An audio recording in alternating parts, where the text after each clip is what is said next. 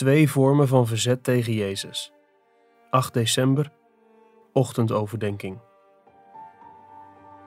Toen koning Herodes dit hoorde, raakte hij in verwarring en heel Jeruzalem met hem. Matthäus 2, vers 3. Jezus is heel verontrustend voor mensen die hem niet willen aanbidden. En hij roept verzet op tegen mensen die hem wel willen aanbidden.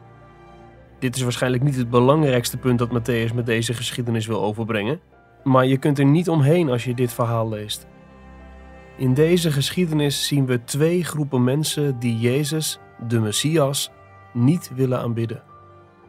De eerste groep bestaat uit mensen die gewoon niets met Jezus hebben. In hun leven is geen plaats voor hem. Aan het begin van Jezus' leven bestaat deze groep uit de overpriesters en schriftgeleerden. Vers 4. En nadat hij alle overpriesters en schriftgeleerden van het volk bijeen had laten komen, wilde hij van hen weten waar de Christus geboren zou worden. Nou, dat konden ze Herodes wel even vertellen. Daarna gingen ze gewoon weer verder met dat waarmee ze bezig waren. Als je bedenkt welke grote dingen er onder hun neus plaatsvonden, is de oorverdovende stilte en de passieve houding van de leiders van het volk nogal overweldigend. Let op wat er in vers 3 staat. Toen koning Herodes dit hoorde, raakte hij zeer verontrust en heel Jeruzalem met hem.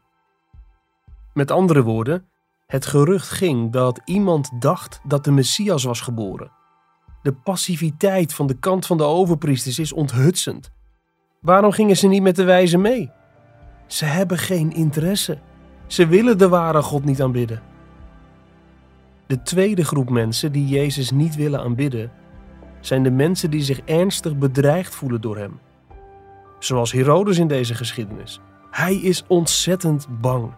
Zo bang dat hij zelfs een list verzint, liegt en een massamoord pleegt om maar van Jezus af te zijn.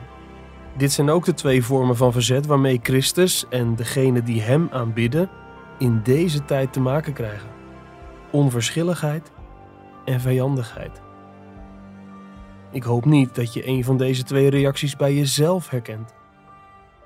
Als je een christen bent, laat deze kerst dan het moment zijn waarop je opnieuw stilstaat bij de waarde van de Messias en overdenkt wat het inhoudt, wat het je kost om Hem te aanbidden.